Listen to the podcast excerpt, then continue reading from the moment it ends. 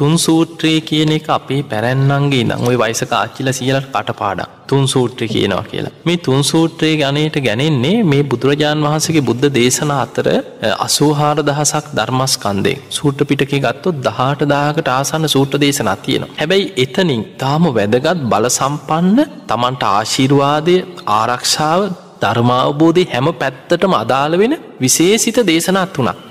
ඒ තමයි රතන සූත්‍රයේ මහාමංගල සූත්‍රයේ කරණීයමිත සූත්‍රය කියන දේශනා තුන ওই තුන තමයි තුන් සූත්‍රය කියලා කියන්නේ. සරලව ගත්තොත් මහාමංගල සූත්‍රය. මහාමංගල සූත්‍රයේ තියෙන්නේ මේ මංගල කරුණු මොනවද?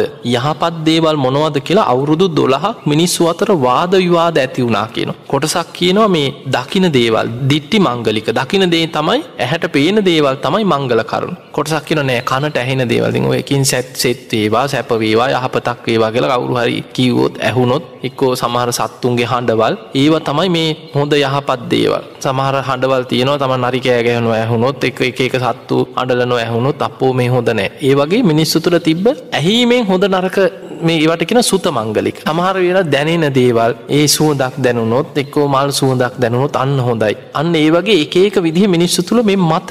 මේ තුළ මිනිස්සු වාද විවාද කරගත් අවුරුදු දොළහ කාටවත් උත්තරයක් නෑ. අන්තිමට දෙවියන් අතරට පවා මේ ප්‍රශ්නය ගෙහිල්ල සක්‍ර දෙවියන්ගේ මූලිකත්වයෙන් දේව සභාව රැස් කරලා මෙහි මංගල කරුණු මොනවද කියන ප්‍රශ්න විසඳන්න සක්‍ර දෙවියන් උත්සාහගත් ඒ වෙලාවේ සක්‍ර දෙවියන් දේව සභාව රැස් කර ලහනවා දැම් මේ ප්‍රශ්න මේ මංගල කරුණු මොනවද කියලා දෙවියෝ අතරත් දැන් වාදවිවාද මේක කොහෙන්ද ආවි කියලා හොයන් බලනකොට කෙලවර මනුස්සලෝකින් ආපු ප්‍රශ්නයම් මේ දැන් දෙවියන් අතරටත් ගිහිල්ලති. එතකොට සක්‍ර දෙවී අහනවා කවුරු හරි බුදුරජාණන් වහන්සේගෙන් ඔය ප්‍රශ්නය අහලා නිරාකරණය කරගත්ත කෙනෙක් ඉන්නවද? උන්වහන්සේ දීපුත්තරයක් කවුරුත් දන්නවද? බලනකොට අවුරුදු දොළහක් මිනිස්සු වාදවිවාද කරගත්තත් බුදු කෙනෙක් පහළ වෙලා හිටියත් කවුරුත් බුදුහාන්දුරන්ගෙන් අහලනෑ ඒවෙලේ සක්‍ර දෙවියෝ කියනවා සූරයා පායලා තියෙද්දී මේ තරුවකින් අඳුර දුරු කරන්න හදන වගේ දෙයක් මේ දෙවරු එකතු වෙලා බුදු කෙනෙක් වැඩයින් නැද්දි මංගල කරුණු හොයන්න යනවා කියන්න. ඉක්මනට බුදුරජාණන් වහන්සේගෙන් ගිහින් අහගන්න උන්වහන්සේ දෙන උත්තරේ අපි පිළිගමු කියලා. සක්‍ර දෙවියන් දෙවි කෙනෙක්ව සම්මත කර ලැවනවා.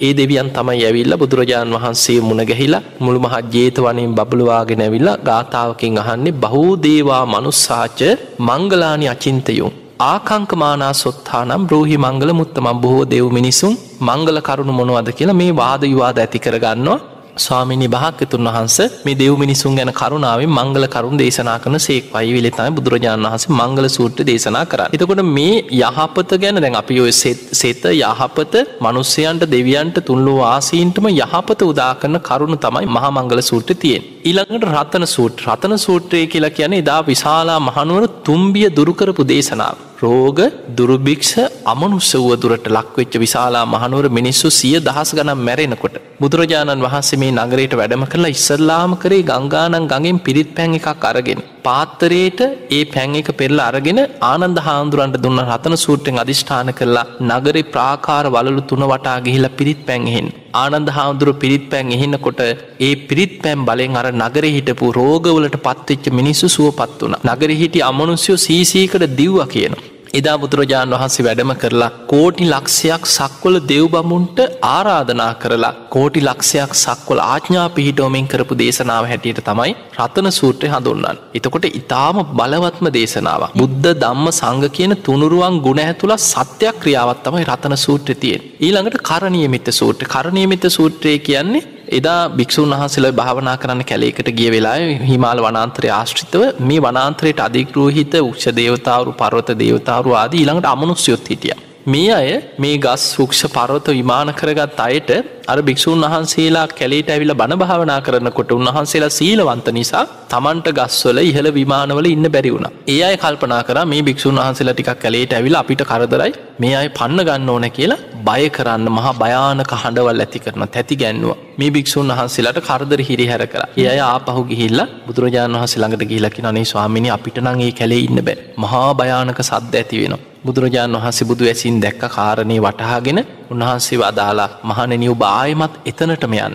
මෙන්න මේ සූත්‍රය කටපාඩක් කරගන්න. ඔබ හැම වෙලාවෙම මේ කරණයමිත්ත සූත්‍රය මහා වනාන්තරයේ ඇහෙන්න සජ්්‍යායනා කරන්න. ඇහෙන් හඬනගා කියන්න. එතකොට මේක තියෙන සම්පූර්ණ මෛත්‍රී භාවනා මෛත්‍රයක් පතුරුවන් එතකොට අමනුස්්‍යයෝ දෙවියන් ඒ ඉන්න පිරිස යක්ෂ පිරිස ඒ හැමෝගෙම හිත්වල මෛත්‍රයක් පැතිරෙන අයාගෙන් කරදරයක් ඇතිවෙන්නෙත් නෑ. ඊළඟට ඔබ මේ දේශනාම භාවනාවට අරගෙන මේ වස්කාලි භාවනාවඩන් භික්‍ෂූන් වහන්සේලා කරණයමිත්ත සූත්‍රයම සඳහන් අර්ථ භාවනාවට වැඩුව ඒ තුළ වස්කාලය අවසන් වෙනකොට ධර්මාවබෝධය ලැබවා. මේ දේශනාව හඬනගා සජ්්‍යායනා කිරීම තුළ අරමුණුස්ස විපත්වලින් කරදරවලිනුත් ආරක්ෂා වෙලා ඒ සියලු දෙනාගෙම උදව්පකාරත් ලැබුණ. එතකොට මෙන්න මේ සූත්‍ර තුන තමයොයි තුන් සූත්‍ර කියන්. කරණීමිත සූත්‍ර මහා මංගල සුට් රතන සූට්‍ර. එදා ඉදං අපේ මිනිස්සු ගෙවල් වල මේ පිරිත් කියන්න පටන් ගත්ත. මංහිතන්න වැදගත්මදේ දැන් සමහරුන්ගේ මත තියෙනවා. කරණීමෙත්ත සූට්‍ර ගෙදර කියන්න හෝදනෑ අම්පෝමි රත්තන සූට්‍ර කියන්න හෝදනෑ ඔය වගේ අමුතු මත තින බුද්ධ දේශනා ගේ කියන්නත් නම්මොකද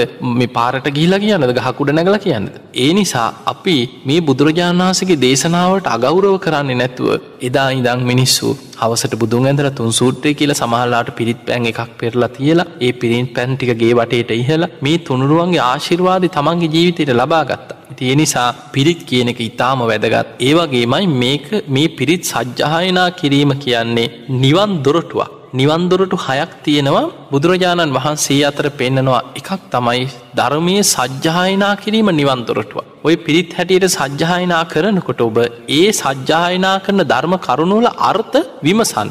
ඒ අර්ථ නුවනින් විමසමින් සජ්්‍යායනා කරනකොට ඒ අර්ථ වැටහීම පිණිස පවතිනවා. ඒ තුළේ ධර්මකාරණ තමන්ට වැටහෙනවා අවබෝධ වෙනවා. ධර්මාවබෝධයට යන්නත් පුළුවන් සජ්්‍යායනාව තුළ. ඒ නිසා පිරිත් කියනවා කියන මහ විශාල පිනකුට රැස්සෙනවා ඊළඟ දේ තමයි ඔය පිරිත් කියනකොට වටිනාමදේ දැන් බුදුරජාණන් වහන්සේගෙන්ම ඔය බුද්ධ දේශන අහපු දෙවියවරු අදටත් වැඩඉන්න. දෙඟි දෙවියන්ගේ ආවිශ ගැන ගත්තහම චාතුම් මහරාජික දිවිය ලෝකෙ තමයි මනුස්සලෝකෙට ආසන්නෙන් තින ආසන්න කීවට යුදුන් හතලිස් දෙදහක් ඉහලින් තමයි කියනවා තියෙන මනුස්ස ලෝකීද චාතුම් මහරාජික දෙව්ලෝ යුදුනක් යැන සැතපුම් දාසය. මේ චාතුම් මහරාජික දිවිය ලෝකෙ දෙවියන්ට මනුස්සලෝකෙ අවුරුදු පණහක් කියන්නේ එහෙ එක දවසයි. එතකොට අපිට පේනවා එහෙම නං බුදුරජාණන් වහන්සේ පිරිනිවන් පාල අවුරුදු දෙදස් පන්සිය පනස්ගානක් කියන්නේ චාතුම් මහරාජික දෙවරුන්ට බුදුරජාණන් වහස පිරිනිවන් පාල හරියට දවස් පනස් එකක් වගේ. ඊළඟට තාවතින්ස දෙව්ලව තියෙන එතන ඉදනුත් යුදුම් හතලිස් දෙදහක් කියහලි කෙන මනුස්සලෝගන්න යුදුම් අසූහාරදහක් කියලින් තමයි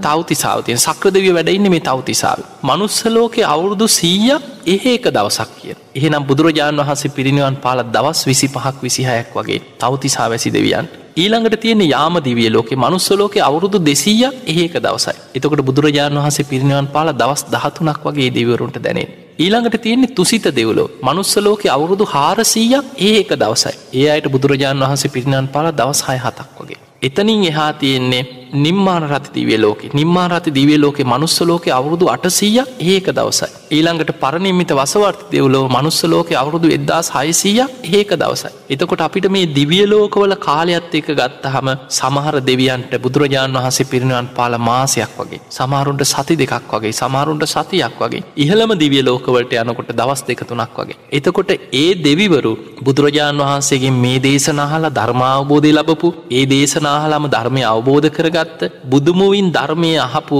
දෙවියන් අදටත් වැඩඉන්න. එහනම් අපි පිරිත් සජ්්‍යායනා කරනකොට අපි ඉස්සරලාම කරන්න දෙවියන්ට ආරාධනා කරන. දෙවියන්ට ආරාධනා කළ අපි පිරිත් කියනකොට ඒ බුදුමුවින් ඒ දේශනහපු දෙවියන්ගේ ආශිර්වාදය ආරක්ෂාව රැකවරණය අපිට ලැබෙන. ඒ නිසා පිරිත් සජ්්‍යායනාව කියන්නේ බොහෝම ආශිර්වාදයක් ආරක්ෂාවක් රැකවරණයක් තියෙන තමන්ට ඒ දෙවියන්ගෙන් පවා ආරක්ෂාව ලැබෙන බොහොම වටිනා දෙයක් ඒවැ අර්ථත් විමසමින් සජ්්‍යායනා කරන්න පුළුවන්න ධර්මාවබෝධයටත් උපකාර වෙනවා පිරිස් සජ්්‍යායනාව කියන කාරණය.